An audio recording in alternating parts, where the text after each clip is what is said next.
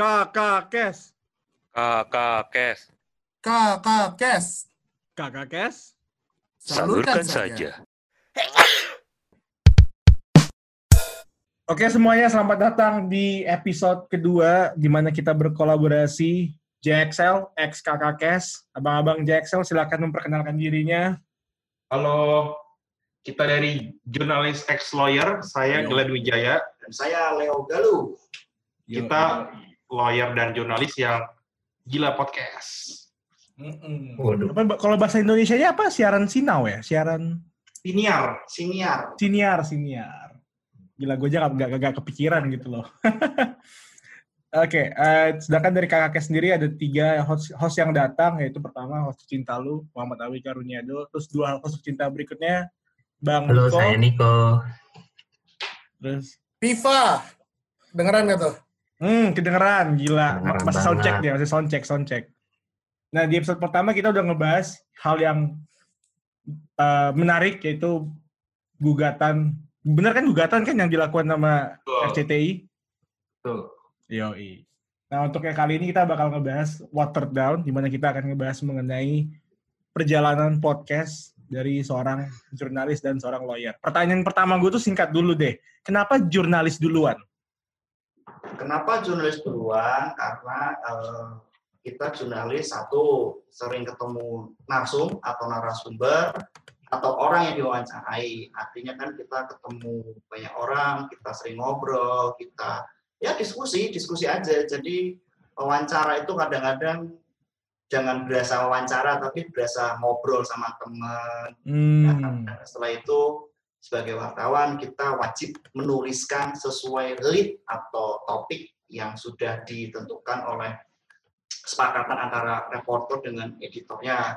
Jadi Hmm. ketika let's say misal sebagai contoh saya mau membuat story mengenai data pribadi. Nah, jadi saya harus mencari narasumber yang kompeten ya, bukan asal narasumber. Jadi nggak boleh sembarangan cari narasumber, jangan asal-asalan seperti yang kemarin, gitu kan? yang dokter kesayangan itu no itu kita sebagai jurnalis punya kode etik memberikan informasi yang benar ke masyarakat. Makanya kita mencari mencari narasumber yang memang berkompeten sesuai bidangnya. Kalau misal saya saya kan eh, sekaligus memperkenalkan diri, saya juga wartawan di PAR Policy and Regulatory Report itu media dari Hong Kong apa namanya itu saya menulis beberapa isu mengenai eh, data pribadi pasangan usaha cyber security sama anti korupsi. Hmm. dan saya lebih main ke ranah hukum.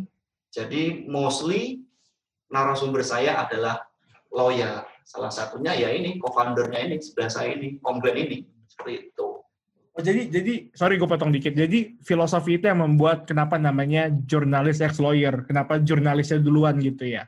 Kalau soal duluannya sebenarnya sih lebih ke ini kita kan eh, taat pada aturan ya kan, Eh, abjad jadinya. aja aja sih Oh my god, gue gak kepikiran. Gue tadi mikir kan baru L. gue gue kira tuh tadi mikirnya beneran ada kayak filosofinya gitu loh kayak tiap kali kita ngobrol tuh harus seperti ini seperti ini seperti ini enggak simpel-simpel aja bang C dulu kan baru L Betul banget. Simple thing-nya begitu sih. emang. kenapa bikin podcast Kalau bikin podcast nggak bisa dilepas dari pandemi ya.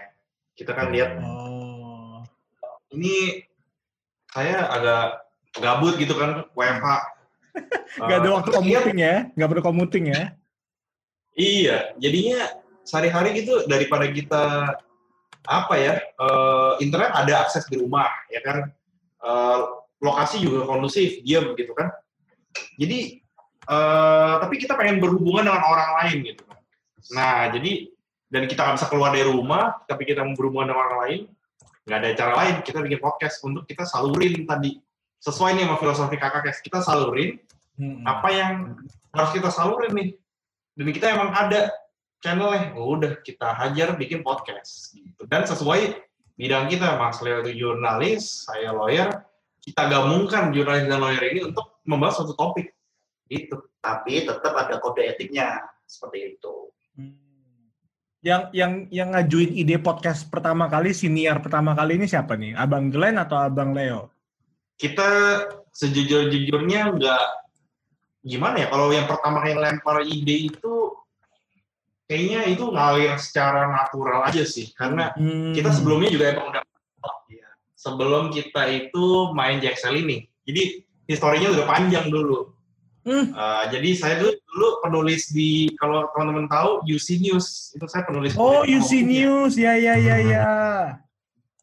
Saya yang di saya yang jadi editor di UC News ngelempar lead lead lead itu maksudnya topik ya Om Glenn minta tolong tulisin dong leadnya seperti ini dibuat yang clickbait ya dibuat yang rame ya nah seperti itu jadi dan kita di desk yang sama sosial politik seperti itu dulu 2017 Iya iya iya iya iya iya. Hmm. Ternyata dari dari selama itu ya udah Biasa, luar biasa. Heeh. ST-nya 2017 kita berarti. Maksudnya kalau histori kita tapi JXL 2020 gitu. Pas pandemi. Hmm. Itu official. kan nah ini out of topic dulu. Karena dulu kan UC ini waktu naik-naik tuh eh, terutama gua di di kampus UPH itu banyak yang ngajakin eh ini yuk bikin artikel di UC News yuk karena bisa dapat duit dan segala macam lah. Makanya ada sistem referral gitu-gitu. Itu beneran tuh dapat duit? Eh, kalau dapat duitnya itu betul. Kalau artikel kita ada yang baca ya. Maksudnya kalau hmm. artikel kita itu nggak menarik sama sekali ya ya pasti nggak kalaupun ada uangnya cuma 0,00 berapa dolar gitu. Jadi eh, itu harus kreatif dan kita harus jadi kita ada rankingnya. Jadi per minggu per bulan itu ada ranking. Hmm. topik pula jadi itu kalau kita masuk league table politik waduh itu memang juara-juara banget yang nulis dan memang mereka raja-raja kompas yang ada begitu saya kadang-kadang masuk league table tapi sering juga kelempar. Jadi kompetitif banget. Nah, Gitu. parah sih. Parah banget. Nah, yang di belakang ngurusin back end-nya ya, maksudnya back, eh, background-nya Om Glenn bisa masuk nggak masuk ke dalam apa ya dalam eh, klasemen, klasemen istilahnya klasemen penulis top politik itu saya ngatur. Karena kan kadang-kadang oh ternyata penulis ini eh, viewersnya yang ngeklik lagi banyak, ternyata Om Glenn lagi kecil. Minggu depan gantian Glenn yang masuk ke klasemen lima besar, tiga besar. Itu ya saya ngatur. Jadi setiap minggu saya bikin kayak semacam editorial kayak semacam listing. Kira-kira minggu depan isu apa ya yang lagi rame ya? Seperti itu. Nah kenapa saya bisa kayak semacam forecasting gitu? Ya terima kasih karena ada WhatsApp grup wartawan di saya yang yang banyak-banyak kementerian segala macam jadi ya oh agenda ini mau ngomong ini ya itu tinggal saya kulik-kulik Detailnya apa ya saya lempar ke penulis politik mereka berkompetisi seperti itu. Jadi nggak akan pernah kehabisan topik, tenang aja. Gitu. Iya, iya. Karena paling rendah pun kalau misalnya kita ngomong kasar ya, topik yang paling rendah adalah kita bisa ngegibah orang, artis, youtuber, influencer gitu. yes Nah, em, jadi gue mau lanjutin pertanyaannya. Yang bagian pertama itu em, waktu bikin pertama kali podcast, rasanya gimana? Eh, rasanya bikin podcast ya sebenarnya karena kita mainan Zoom, mainan apa ya, ngerekam ngerekam suara kita sendiri untuk diperdengarkan lagi kepada orang lain gitu ya itu sebenarnya udah ibarat hampir one step closer to apa ya becoming a youtuber gitu kan jadi nggak pernah kebayang sebelumnya gitu untuk bikin podcast Eh, aneh juga dengar suara sendiri ya. Eh, dan ketika kita dengerin lagi kita jadi refleksi gitu loh. Loh kok bisa ngomong kayak gitu ya? Terus kok nada gue gitu sih ngomongnya? Itu rasanya emang agak aneh dan apa ya tapi senang. Bercampur senang bercampur kaget bercampur bangga juga karena ternyata suara semua orang sebenarnya ini demokrasi balik lagi kita topik demokrasi ya. Suara setiap orang sebenarnya bisa didengar gitu. Tergantung siapa yang mau gitu kan jadi Emang selalu pasti ada niche-nya sih, niche marketnya pasti ada. Terus menyambung tadi Om Glenn, episode pertama kali kita launching, jangankan ngomong, jangankan ngomong launching ya, itu saya sama Glenn kayak semacam bikin kayak semacam paper, think tank, visi misi jurnalis employer apa sih filosofinya mau ngapain sih siapa sih yang mau kita panggil apa sih rulesnya apa sih aturan kita bahas dulu itu jadi kita punya semacam kesepakatan eh, apa ya kayak semacam bahasanya tuh kayak ADART lah gitu jadi kita punya Gila. eh, benang merah yang nggak boleh dilanggar. Nah, Gila, gila. J- sangat jauh berbeda nih dengan kita nih. ya biar, biar, biar kita tuh nggak mau ikut arus. Em, misal seperti ini ya, kita contoh ya. Misal eh, waktu lalu ada isu rame yang ya udah tembak aja lah si Anji menginvite dokter kesayangan. Ya kita nggak mau ikut-ikutan apa yang lagi rame di internet atau di konten. Kita tetap harus cari konten yang masuk ke jurnalis explorer dan kita pun sering manggil langsung juga hati-hati sekali. Kita nggak mau bikin ya kita mau berkarya tapi nggak mau yang terlalu kontroversi. Karena kan kita kan value-nya kan ngasih orang tuh manfaat seperti itu kan. Kemudian ketika episode pertama itu ya kita evaluasi kita buru banget karena kita masih ngeraba-ngeraba caranya gimana. Itu kalau nggak salah kita pakai WhatsApp call yang belum ya WhatsApp call tapi di mikrofon lagi dari handphone. Jadi Hmm. suaranya kayak radio tahun 2000-an awal. karena saya ngerekamnya pakai audio recorder yang punya wartawan itu jadi dari audio recorder itu dari alatnya saya pindahin ke laptop diedit itu buruk banget caranya itu itu jelek banget tuh episode pertama itu Itu memang kayak, tapi jangan bilang buruk gitu loh. Bilang aja ini selera, ini taste, ini preferensi, ini estetika. Coy. Karena kan Jujur banyak ya. kayak gitu kan, kayak pakai pakai kamera-kamera two style, eh two style tuh bahasa. Jawa banget. Apa sih kamera analog gitu Analog. yang, eh itu kan dibilangnya estetika kan, Estetik, yoi. estetik. Ada pemainnya di sini. Yoi. Padahal lu belum tahu aja S1 estetik gimana, pecah pala lu. Keren. Em, terus ngelihat ngedengerin suara sendiri waktu ngedit itu gimana mas rasanya mas? Kan sebel gak sih dengan suara sendiri? Wah, kalau dengerin suara sendiri tuh pertama aneh ini kayak ini kayak gua tapi kok suaranya suaranya begini sih. Sounds like me tapi Ya, kok ya, ya. beda kan suara kalau direkam ya. Mm-mm. Mm-mm. Lebih gimana ya? Lebih berwibawa gitu.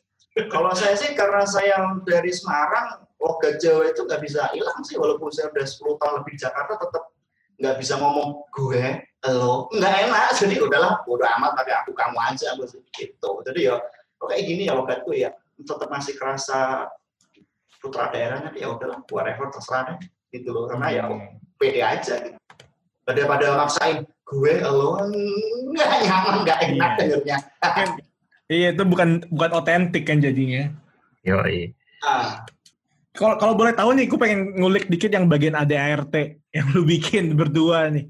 Iya, visi Um, misinya apaan nih? Iya visi misinya apa tuh? Kayak maksudnya kayak kalian tuh ngejalanin podcast sudah bukan kayak podcast, sudah kayak perusahaan gitu loh. Tiba-tiba ntar di investor aja. Gila. Oke oke gini gini ah, satu kan background saya kan eh, wartawan kan jadi kalau kita mau bikin topik itu saya tuh cara berpikir saya kayak kita lagi bikin berita jadi mikir dulu nih mikir cari topiknya dulu atau cari nafsunya dulu ya kan kalau ada nafsunya nih nafsunya ternyata let's say bang Edo Hmm. psikologi. Nah ini, ini kita tinggal bermain liar aja, cari lead yang seksi. Sebagai contoh, Bang Edo kita invite ke Jacksel ngomongin uh, pseudoscience, uh, apa namanya, misal penyembuhan ningsih tinampi atau batu ponari yang nggak ada ilmiah ilmiahnya tapi orang kok percaya itu kayak gitu.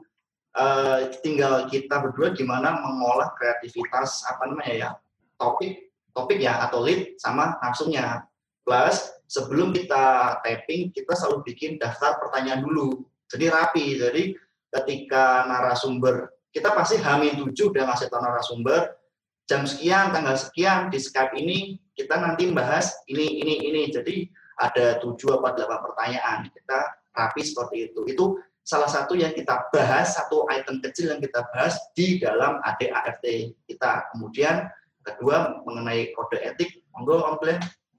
Kalau kode etik itu kita lebih nggak ngomongin apa ya.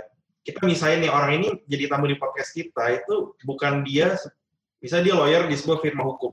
Dia itu ngomongin podcast kita sebagai pribadi dia gitu. Dia Hmm. lepas semua atribut kerjaan dia gitu. Intinya sih gitu. Jadi kita nggak mau bawa-bawa dia nama merek-merek eh, kantor ya kan. Hmm. Uh, atau dia juga uh, misalnya uh, kita udah bilang ini misalnya topik ini tuh sensitif untuk pemerintah. Jadi kita bilang kalau bisa kamu gak usah nyinggung pemerintah. Gitu. Nah contohnya tamu kita waktu itu di negara Filipina.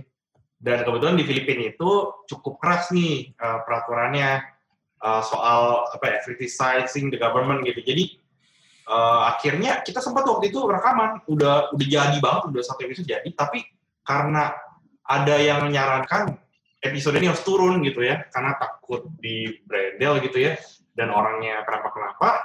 Jadi kita re record ulang jadi record ulang lagi kita eh, retake lagi episode topik itu yang beda. betul. Itu contohnya itu se ekstrim itu gitu. Mm-mm. itulah kenapa menurut kita perlu kode etik yang kita bilang pokoknya ini ya narsum harus tahu nih aturan-aturan begini biar dia sendiri nggak kena masalah. Bukan cuma kita sebagai host gitu Itu salah satu alasan kalian bikin LinkedIn berarti ya? Karena kan maksudnya kalian tuh sangat-sangat politically correct dalam pembawaan, dalam penggunaan bahasa juga, bahkan hingga mengetahui visi, mengartikulasikan visi misinya dan etikanya. Itu apakah itu alasan Kalau- kalian bikin LinkedIn? kalau alasan LinkedIn nggak itu udah jadi apa ya LinkedIn itu udah menjadi part of lifestyle Mhm. eh, di dunia profesional kita gitu. Jadi LinkedIn ini di sini untuk JXL lebih ke untuk menjangkau eh, apa ya pendengar internasional, bukan hanya Indonesia. I Kita see. harap gitu karena kita JXL ini udah bahasa Inggris, jurnalis ex lawyer ya kan. Mhm. Jadi eh, kita pun udah bikin episode ber- berbahasa Inggris ya, Mas Leo ya. Mhm. Makanya ada season 1 itu full bahasa Indonesia. Season kedua bahasa Inggris karena kita mau menyasar eh, listener dari negara lain. Karena itu kan kita kan cukup niche ya, cukup sempit kan. Kita tahu diri nih. Kita nggak eh, jurnalis ex lawyer podcasting dengan konten yang yang apa ya, yang buat sebagian orang itu berat. Ya kita tahu diri lah, kita nggak akan bisa bersaing dengan konten-konten yang semacam eh, eh, seks atau horor itu kan konten yang top of the mind banget kan ya udah kita Iya. Gimana caranya mencari pasar ke luar negeri itu kita misal ada isu eh, BLM Black Lives Matter thanks God ternyata Om Glenn ada relasi di Belgia Di Belgia, tapi Nah. dia kuliah di Belanda, di Groningen. Nah itu itu salah Hmm. satu best episode. Kemudian kita juga sempat membahas eh, narasumber Haikal Haikal Telum itu buat kita pribadi itu salah satu episode yang wow karena kita kan bawaannya apalagi saya eh, jurnalis kalau ketemu orang PR itu bawaannya pengen nyinyir, pengen nyerang dan ini saya lihat Haikal ketika saya cecer pertanyaan agak tajam begitu lihainya dia sebagai PR memberikan jawaban yang cakep, elegan dan smooth itu wow sekali sih. Maksudnya eh, kita belajar soft skill, bagaimana public speaking yang baik dari Michael itu contoh materi yang eh, bagus sih kalau menurut kami seperti itu. Men, dipikirnya sampai sejauh itu ya? Gila, men. Kita mana ada kepikiran kayak gitu, Pak. Iya. Lo lo tau gak sih? Gue gue mau kasih short short uh, tell there aja. Too long didn't read version. Kakek tuh lahir karena waktu itu jam 12 malam gue sama temen gue lagi makan malam roti bakar dan gue tiba-tiba berdiri teriak, iya bikin podcast. Terus temen gue marah, Hmm. kenapa kon? Itulah yang dipakai namanya. Sesimpel itu doang. Oh, gitu. Iya, karena itu Kenapa reaksi dia, kenapa Kon kamu sangat impulsif sebagai manusia gitu katanya. Ya udah. Dia itu kakak kes kan. Kalau saya mengikut mengikut lah dia sambil Nah, berjalan. Habis itu berjalan sampai Hmm. sekarang. Dan emang mo- Kalau kakak kes, kakak kes genrenya apa ngomongin apa sih social life kah atau apa gitu? Gimana dok? Silakan dijelaskan. jadi jadi awalnya emang kita mau ngebahas ini pertama banget tuh waktu gua sama teman gue bikin itu untuk bikin uh, pembahasan mengenai pekerjaan. Makanya waktu dua episode tiga episode awal tuh pekerjaan semua kan, kerja di startup, kerja sebagai desainer, animator. Terus kita hilang uh, momentum dalam arti kata demotivasi lah, malas ngerjain. Nah terus gue ketemu sama Bang Niko. Bang Niko bilang, gue pengen Hmm. ngomong nih, gue banyak undang-undang pengen ngomong. Kenapa nggak disalurkan aja di podcast gue? Di situ tuh arah hidup kakaknya berubah. Dari awalnya pekerjaan jadi sebuah platform. Apa aja kita masukin. Jadi banyak banget segmen yang kita bikin. Kayak segmen Omami, plesetan dari itulah. Ada pleset Terus ada ada homo ada Homo Vito. Jadi emang itu kenapa konsep kita hostnya banyak. Tiga tiga orang. Bahkan mungkin bisa lima enam dengan ke depannya ya jadi ujung-ujungnya mirip kayak platform gitu loh kayak platform di mana orang bisa menyalurkan Bisa apa pun yang ingin menyalurkan. mereka salurkan Pu- Publishnya, publishnya seminggu sekali, seminggu dua kali, frekuensinya kayak gimana? nah dulu tuh sembarangan sekarang tiga kali seminggu eh tiga kali seminggu ya bener Iya betul. Rabu, Jumat, sama Minggu biasanya. Mm-mm. Yus. Ke depan, ke depannya bahkan bisa berubah sih Mhm. That's why kenapa kita episode-nya udah banyak kan. Udah seratusan gitu kan. Hmm, sebenarnya nggak nggak nggak susah loh abang-abang mi- mikir-mikirnya bang Kalau kita kan karena kita mikirnya sepanjang itu dong. Kalau bapak bapak ini kan udah terkonsep pikirannya susah. Iya. Jadi intinya kan karena hostnya tiga uh, jadi gue punya teman sendiri satu episode hmm, Viva teman sendiri satu episode dia seminggu dapat tuh tiga kan Oke, oh gitu ngelolanya. yoi Hmm. Iya sih. Karena kan satu kita kesibukan masing-masing, dua menjaga kualitas, tiga cari narsumnya. Itu tuh yang susah makanya kita itu kan. Jadi ya uh, nggak nggak nggak mau sembarangan nggak mau Iya. ikutan. Nah. kayak kemarin contoh uh, episode yang unik sih. Uh, kita wawancara temen teman saya uh, media nulis buat media Singapura uh, mengenai tourism. Jadi dia tuh sempat cerita tuh mengenai uh, WFH work from hotel. Hmm, itu itu lucu banget sih. Jadi kita pun nggak bisa-bisaan kemudian eh, ini loh ternyata dampak corona berdampak ke tourism di Bali Lombok nggak ada tour guide ternyata turnya pindah. Udah nggak secara offline tapi virtual tour. Kita duduk Hmm. manis depan meja nonton zoom nonton apa nonton si guide cerita dengan gambar video. Ini loh komodo lalalala seharusnya begini. Cuma itu bahasa itu lucu sih virtual tour gitu kan. Ya kali duduk di meja nonton orang ngemeng. Kena nggak sekalian aja di YouTube gitu kan. Cuman ternyata ada filosofinya bahwa si si, si guide ini menceritakan informasi yang tidak ada di Google. Itu sih uh, uh, value, uh, value editnya. Mm-mm. itu contoh materi kemarin minggu lalu ngomongin kepikiran jadinya waktu gue ngeliat podcast kalian tuh ada season season kan kenapa kalian bikin Ah. season iya iya betul. apa yang menutup season tersebut kok bisa gitu loh Iya sampai mana episodenya kalau misalkan udah Ah-ah. berakhir gitu seasonnya. Sebenarnya season itu awalnya kita mau bilang season 1 itu full Indonesia aja. Tapi season 2 kita ada ibaratnya eh, misi tambahan gitu untuk nyebarin JXL ini ke seluruh dunia gitu. Kita mau bilang jurnalis XOR ini nggak cukup hanya di Indonesia karena we are bigger than Indonesia gitu. Kita mau expand. Jadi kita ide episode bahasa Inggris gitu. Itulah kenapa kita bikin episode 2. Tapi di apa ya perjalanan kita di episode 2 ini kita juga merasa kadang-kadang topik podcast kita karena kita juga berbasis di Indonesia, eh, kita juga lebih pahamnya isu-isu Indonesia. Kadang untuk kita ngobrol dengan orang luar itu kadang menjadi kita harus yang harus dimengerti isu mereka di negara mereka. Itu yang susah. Betul ya kayak yang di Singapura, di Filipina, di Hmm. Belgia atau Belanda, ah, sama di London waktu itu satu dari London UK itu agak berat karena kita nggak tahu kondisi di sana gimana. Sementara kita pengen dia mengerti kita nggak bisa juga karena kita host. Kita lebih harus akomodir mereka. Itu yang susah.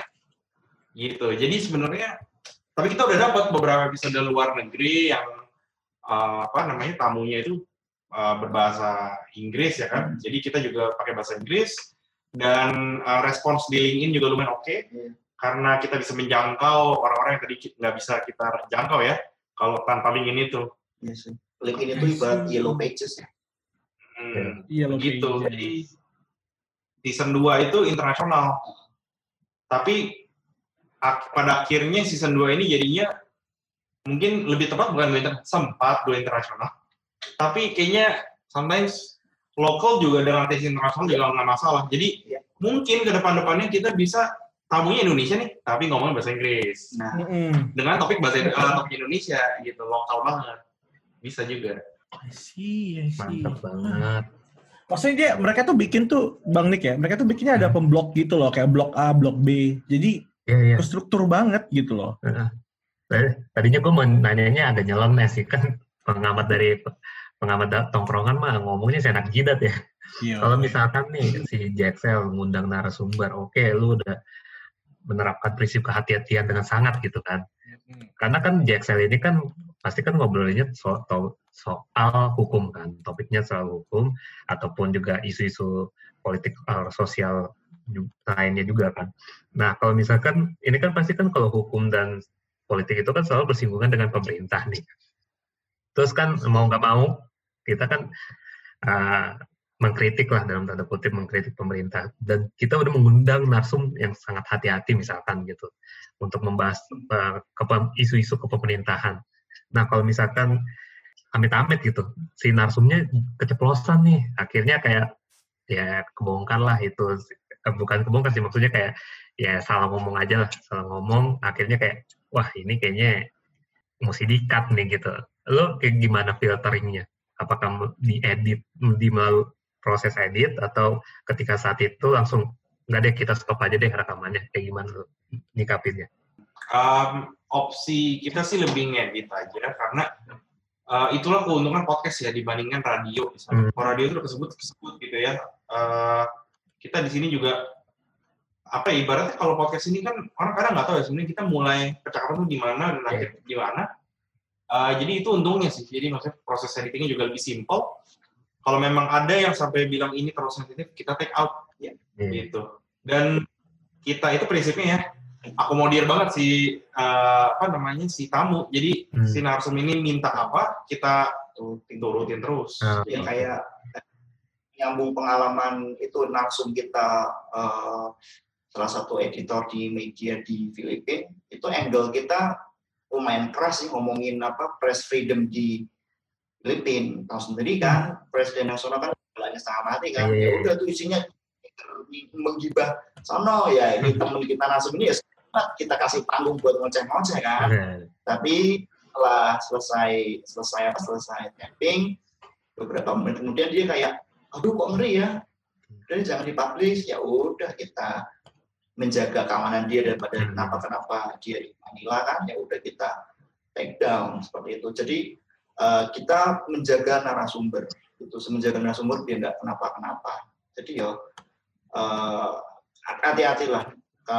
Apalagi kalau si narasumber yang request kan itu harus dituruti sih. Menyangkut keamanan soalnya tapi kalau kalian men- apa ya ngedrop nama misalkan organisasi pemerintahan kayak gitu nggak lo kayak Nah, kalau kita Jaxel tuh selalu eh, memang pada awalnya tuh Jaxel ini lebih ke topik karir ya. Hmm. Di season 1 itu lebih ke karir. Season 2 pun sebenarnya juga eh, lebih seringnya nyerempet eh, kenapa Anda memilih profesi lawyer yang seperti jurnalis seperti gimana. hmm, Tapi memang kadang-kadang ada topiknya di mana kita ngomongin topik yang seperti tadi bisa ada berita apa kita kita komenin gitu ya karena itu part of kerjaan si narsum misalnya. Tapi eh, karena background saya mungkin ya sebagai lawyer ya kita selalu diajarin untuk lihat semua hal tuh dari dua sisi. Jadi hmm, eh, kalau narsumnya udah mulai ngerasa ini negatif-negatif, tugas saya sebagai host adalah mengcounter dengan argumen lain yang bikin itu jadi netral dan diskusi kita tuh jadinya produktif dan bisa diterima orang dari dua kubu. Kita itu bukan kubu X aja, tapi juga kubu Y, Z, A, B, C bisa diakomodir karena kita berusaha open minded. Kita buka pikiran si narsum juga dan kita debatkan di situ secara ya akademis bisa bisa dengan pengalaman saya sebagai lawyer bisa bisa pengalaman Mas Leo juga karena juga dekat ya dengan dunia hukum kan itulah kenapa pentingnya daftar pertanyaan di awal Gitu. itu dong Itu tuh. bahkan bahkan dari dari sesi aja berbeda ya. Kalau di kakak kes kita beneran ngalir. Jadi kalau otaknya tell me ya udah au au gitu. Kalau di JXL emang ada pertanyaan men. parah, parah. mereka udah konsepkan itu semua sih Heeh. karena gini Bang Edo Hmm. karena kalau kita nyiapin minus 7 data pertanyaan ke narasumber harapannya si narasumber itu sudah bisa riset dulu dia mau ngomong apa. Jadi kita nggak mau kayak semacam kayak jebakan Batman ketika dia pas rekaman kita ngasih pertanyaan yang menyudutkan si narasumber atau memancing dia ngomongin yang negatif. Jadi kita nggak mau Hmm. semacam kasih jebakan Batman. Jadi kalau udah sepakat 7 atau 8 pertanyaan ya udah kita benar-benar strict to the rule, kalaupun nyerempet agak keluar dikit, jangan jauh-jauh, karena kita juga punya batasan durasi, 30 menit minimal, maksimal 45 menit, seperti itu. Nah, mau nanya. Dari durasi yang kalian bikin di podcast-podcast kalian, retensinya berapa banyak tuh? Kalau soal retensi, em, kita nggak gitu perhatiin juga. Oh, Cuma see. eh, biasanya sebenarnya itu bukan apa ya? Itu kita nggak pernah take into account. Kita lebih ke apa ya? Paling yang kita terima paling feedback dari narasumber sendiri Oh. atau orang ketiga maksudnya ya third party yang bilang oh kalian bisa ya ngangkat topik itu sama maksudnya kalian ini kan satu jurnalis oke gitu ngomongin jurnalis tapi kok ada lawyer juga ngintilin untuk topik ini dan sebaliknya topik lawyer banget tapi kok jurnalisnya juga ikut gitu kadang lebih yang kayak gitu-gitu sih reaksi-reaksinya tapi kalau kita soal teknis yang reaksi segala macam kita nggak gitu ini juga sih gitu, paham juga. Berarti, berarti ini ini ketahuan ini beda lagi nih. Kalau di kakak Kes, mungkin gua doang kali ya. Gue tuh sangat suka ngeliatin eh analytics-nya Anchor. Jadi kayak jam 6, wah gue harus lihat berapa banyak yang dengerin kemarin gitu loh. Berarti kalian nggak gitu ya? Oh. Berarti kalian, kalian mikirin Ya. nggak stra- strategi marketing, strategi promosi? pada dasarnya gini sih Bang Edo kan eh, kita juga mantau kan uh, analitik anchor. Cuman itu Hmm. eh, kita mau memikirkan angka itu karena kita prinsipnya adalah gimana caranya bikin konten yang menurut kita bagus. Perkara orang mau dengar mau enggak kan pilihan. Cuma kita tetap Hmm. cari narasumber. Ya memang makanya tadi kita seperti awal kita niche banget sempit banget sebenarnya. Makanya ya itu satu nyari narasum susah, mikir topik susah. Jadi ya kita tetap menjaga kualitas seperti itu. Luar biasa, luar biasa. Kayak kayak beda banget ya Nix ya. Kalau kita kan serba bumi cuy. Iya cuy, kalau kita tuh kayak oke, kemarin kita yang dengerin kita cuma 40, kita harus bikin sampai 100 gitu. Mikirnya gitu terus tau gak sih? Tapi di sini kita juga belajar lah, maksudnya kayak kita dapat informasi banyak nih dari JXL terutama tentang konsep-konsep berpodcast gitu. Jadi itu sih yang harus kita catat ya dulu bahwa ya kita sekarang mulai dari sekarang mungkin next episode kita emang harus mengkonsepkan segala sesuatu. Minimal kita nentuin topik and then kita mau ngomong apa dulu deh lainnya dulu garisnya dulu. Jadi kalau misalkan mungkin emang nanti sepanjang uh, podcast gitu sepanjang rekaman kita ngalir aja. Tapi garis besarnya itu biar kita nggak ke mana-mana. Kalau kemarin kan jujur aja ya uh, dari episode awal gue masuk sampai yang ini ya episode terakhir-terakhir aja yang baru kita seriusin ya baru akhirnya kayak oh ini nih kita mau ngomongin ini. Ntar garis besarnya sepanjang uh, kita ngomongnya itu terus gitu.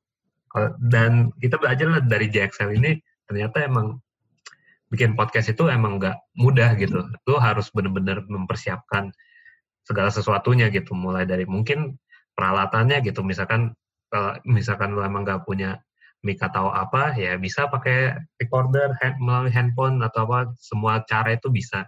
Dan juga ini masalah konten gitu. Konten dan topiknya gitu. Itu sih yang gua yang kita belajar banyak dari JXL ya. Mm-mm, gitu tuh. mm-mm. Kayak sampai bikin ADRT gitu-gitu, dia bisa-bisa Hmm. PT nih.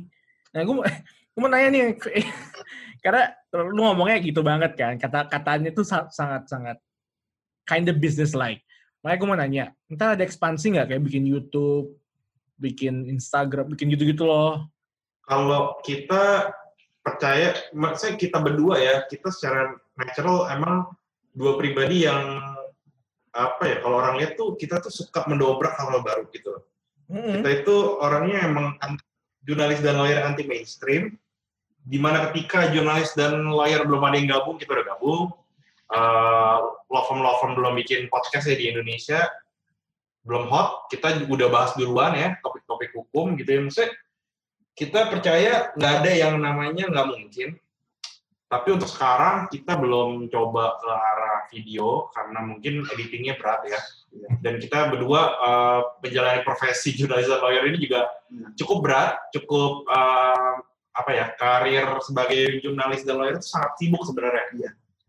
Jadi kita nggak mau korbankan apa ya uh, tenaga kita untuk editing itu jadinya mengkompromis kualitas kita kita kita podcasting gitu. Jadi kita fokus dulu one thing.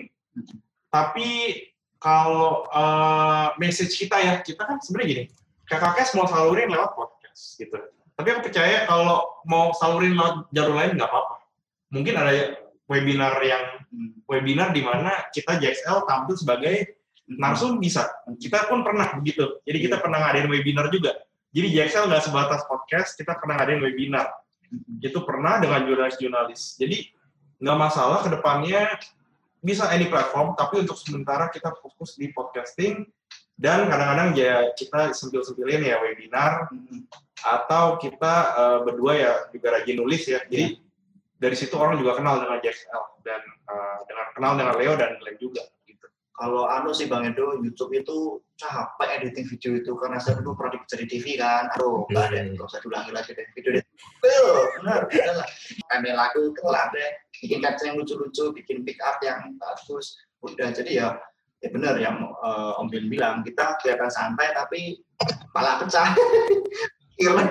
Ini besok wawancara siapa, besok liputan apa, itu mikir itu kayak ditambah video editing, aduh enggak deh, apalagi Jumat Sabtu Minggu kan, buat saya Jumat Sabtu Minggu itu hari sakral, nggak mau nggak mau mikir capek-capek waktu buat anak istri seperti itu.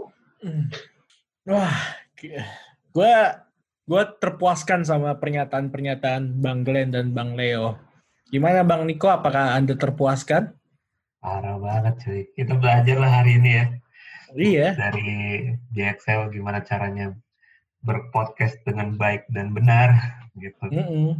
Ya lu tau gak sih Bang, kalau misalnya lu lihat nih yang season 1 episode 10 itu ada foto mereka berdua di ruangan yang bagus. Terus perkapnya lengkap gitu loh. Itu di mana ya? Itu gimana ya? Ngomong-ngomong gimana itu? Iya, Wah. jadi itu momen di mana kali kita ngetes pakai alat yang lengkap dan kita berdua eh, untuk pertama kalinya kita berdua ketemu secara langsung untuk merekam podcast itu. Biasanya kita kan jauh-jauh long distance terus gitu.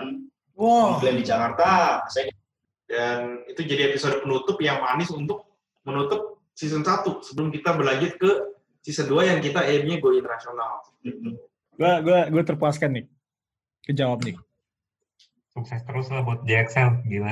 Lu kalau misalkan emang bisa, eh, lu kalau seriusin nih, bakal jadi the podcast lu gede banget sih cuy.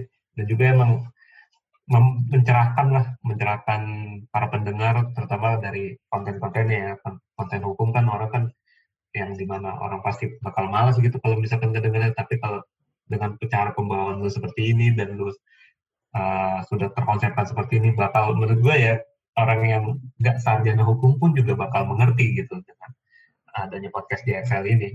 Mudah-mudahan ya. Gimana Bung Ahui? Hmm. Cuman ini teman-teman nambahin tadi kan Bang Edo bilang apa Bang Niko ya bahwa cara berpodcast bener dan bener itu sebenarnya itu nggak ada rumusnya kan. Cuman Iya. kebetulan aja saya orang media terbiasa berpikir nulis berita. Jadi pembawaan podcastnya tuh rapi, udah terstruktur karena terbiasa pakai topik, daftar pertanyaan, langsung dapat durasi itu udah kebiasaan cara berpikir saya sebagai wartawan. Sebenarnya kalau dikatakan berpodcast yang baik rapi benar tuh nggak ada rumusnya yang benar. Kita dulu nggak pakai rumus apa apa, cuman iya karena saya dulu pernah wawancara secara profesional ya, saya, saya menjadikan Om Glenn sebagai narasumber di media saya ya, saya sounding dulu Om Glenn, saya nanti mau nanya ini ini ini ini. Jadi memang udah terbiasa seperti itu. Jadi kalau dikatakan ada rumus podcast cara berpodcast benar dan baik itu nggak ada sih. Ke- kebetulan aja kitanya yang terbiasa terstruktur seperti itu. Satu frekuensi lah ya. Mm-mm. udah ibaratnya Mas Leo ada house rule saya terima dengan senang hati dan sama juga gitu ada aturan sendiri Mas Leo pun terima jadi kita udah klik gitu udah klop Ya, saya kalian juga udah bekerja dari bekerja bareng dalam tanda kutip dari UC bukan UC 1000 ya, UC News. Iya, Bahasa ya, Bang. Iya. Nah, ini pertanyaan dari gue terakhir terus ntar kalau Bang Niko menutup atau gimana atau JX menutup. Pertanyaan adalah kalau misalnya kalian ngomong nih ke podcaster baru, apa sih yang pengen kalian sampaikan? Em, pesannya sih cuma satu ya Hmm. bahwa berpodcast itu eh, keluarkan jati diri kalian gitu. Jadi podcast itu ada mungkin nggak tahu udah sampai angkanya ke ribuan atau udah mungkin sampai juta gitu ya seluruh dunia. Jadi eh, di mana podcast kita itu bisa stand out adalah kita itu menjual personal branding kita di situ. Kita misalnya saya Glenn gitu ya, sehari-hari sebagai lawyer. Memang di podcast itu tetap menjadi Glenn yang seorang lawyer. Leo tetap sebagai jurnalis. Jangan buang jati diri kita sebagai eh, orang jadi orang lain, kita acting. Jangan. Kita harus tetap diri kita. Bahkan kita akan memperkaya wawasan eh, apa ya, pendengar kita dengan cara kita menginfuse ya knowledge kita di kerjaan kita, kita taruh di podcast ini. Karena kita nggak bisa salurin itu misalnya di kerjaan, Hmm. justru di podcast ini kita bisa menyalurkan semua apa yang apa ya pikiran kreatif kita tapi secara ya itu tadi dengan etika yang Iya. baik dengan uh, house rules tadi ya ADART itu jadinya semua pihak bisa menerima gitu. Kalau saya sih eh, gini sih Bang Edo eh, buat teman-teman podcaster yang baru mulai jangan kebanyakan mikir terjang dulu aja coba dulu aja seperti itu. Eh, apa ya cornerstone-nya adalah pijakannya adalah di podcastmu itu genremu apa? Makanya kan tadi ketika kita introduction sama Kekekas pertanyaan pertama saya pasti itu genrenya Kekekas apa sih? Karena itu kan menjadi benang merah hari ini dan seterusnya. Biar kalian itu biar teman-teman podcaster itu tidak tidak apa ya nggak jadi uh, punya identitas yang jelas. Biar nggak jadi kayak oh podcaster musiman. Nah itu kan ya cuma dua tiga episode tumbang. Karena sebelum kita bikin podcast saya tuh riset dulu di Spotify kan. Ada nggak sih yang setipe sama ngomongin wartawan? Oh, oh banyak. Ada. Tapi cuma bertahan dua atau tiga episode karena nggak punya identitas dan konsistensi Hmm. ya udah ya cuma ada tiga Waktu itu saya sama Om Glenn itu bilang genre kita apa dan selalu konsisten. Karena yang berat itu konsistennya karena itu mikirkan produksi lagi kan minggu depan ngomongin apa ya minggu depan ngomongin apa ya. Makanya saya cukup wow juga kayak Kekes dengan eh, tiga host bisa bikin seminggu tiga itu luar biasa. Asalkan yang itu yang penting teman-teman podcaster satu tahu genrenya kalian tuh mau apa sih gitu loh. Mau cerita apa sih? Mau cerita misal konten horor. Konten horor banyak loh yang setipe. Gimana sih bikin yang beda? Atau misal mau konten ngomongin eh, overheard FBB misalnya itu seru tuh gitu kan. Atau misalnya ngomongin overheard lawyer atau overheard awalnya tuh kita mau bikin overheard jurnalis cuman kita mikir kalau cuma satu itu toh nggak kuat, nggak kuat seterusnya. Makanya kita apa kita eh, tabrakin jurnalis lawyer. Jadi teman-teman juga memikirkan genre kalian apa dan konsistensinya biar napasnya panjang, nggak Hmm. cuma satu dua tiga. Oh. Itu sih. Gue udah sangat terpuaskan. Ini ini apa sih bahasanya? Bahasa kotornya udah peak banget sih ini. Ya, Udah peak peak. ya. Klimaks, klimaks ya. Ah, klimaksnya bahasa bahasa itu ya bahasa lebih jalanannya lagi ya. Ya ya Iya. Ya udah Gue peak udah sih, gue udah banget parah. Ya, banget. nggak ada kata lain selain udah ya, udah gitu gue. Iya. Tapi supaya nggak terlalu biar crips nih endingnya ya, gue mau bilang terima kasih buat waktu kalian. Makanya kayak kalau ini kalau ini kerjaan biasa, billable rate-nya kan per jam tuh bayarnya tuh udah Hmm. lumayan loh ini. Parah. Heeh. Yo, lumayan lumayan iya. bisa jual rumah ya Bisa, Eh, bisa.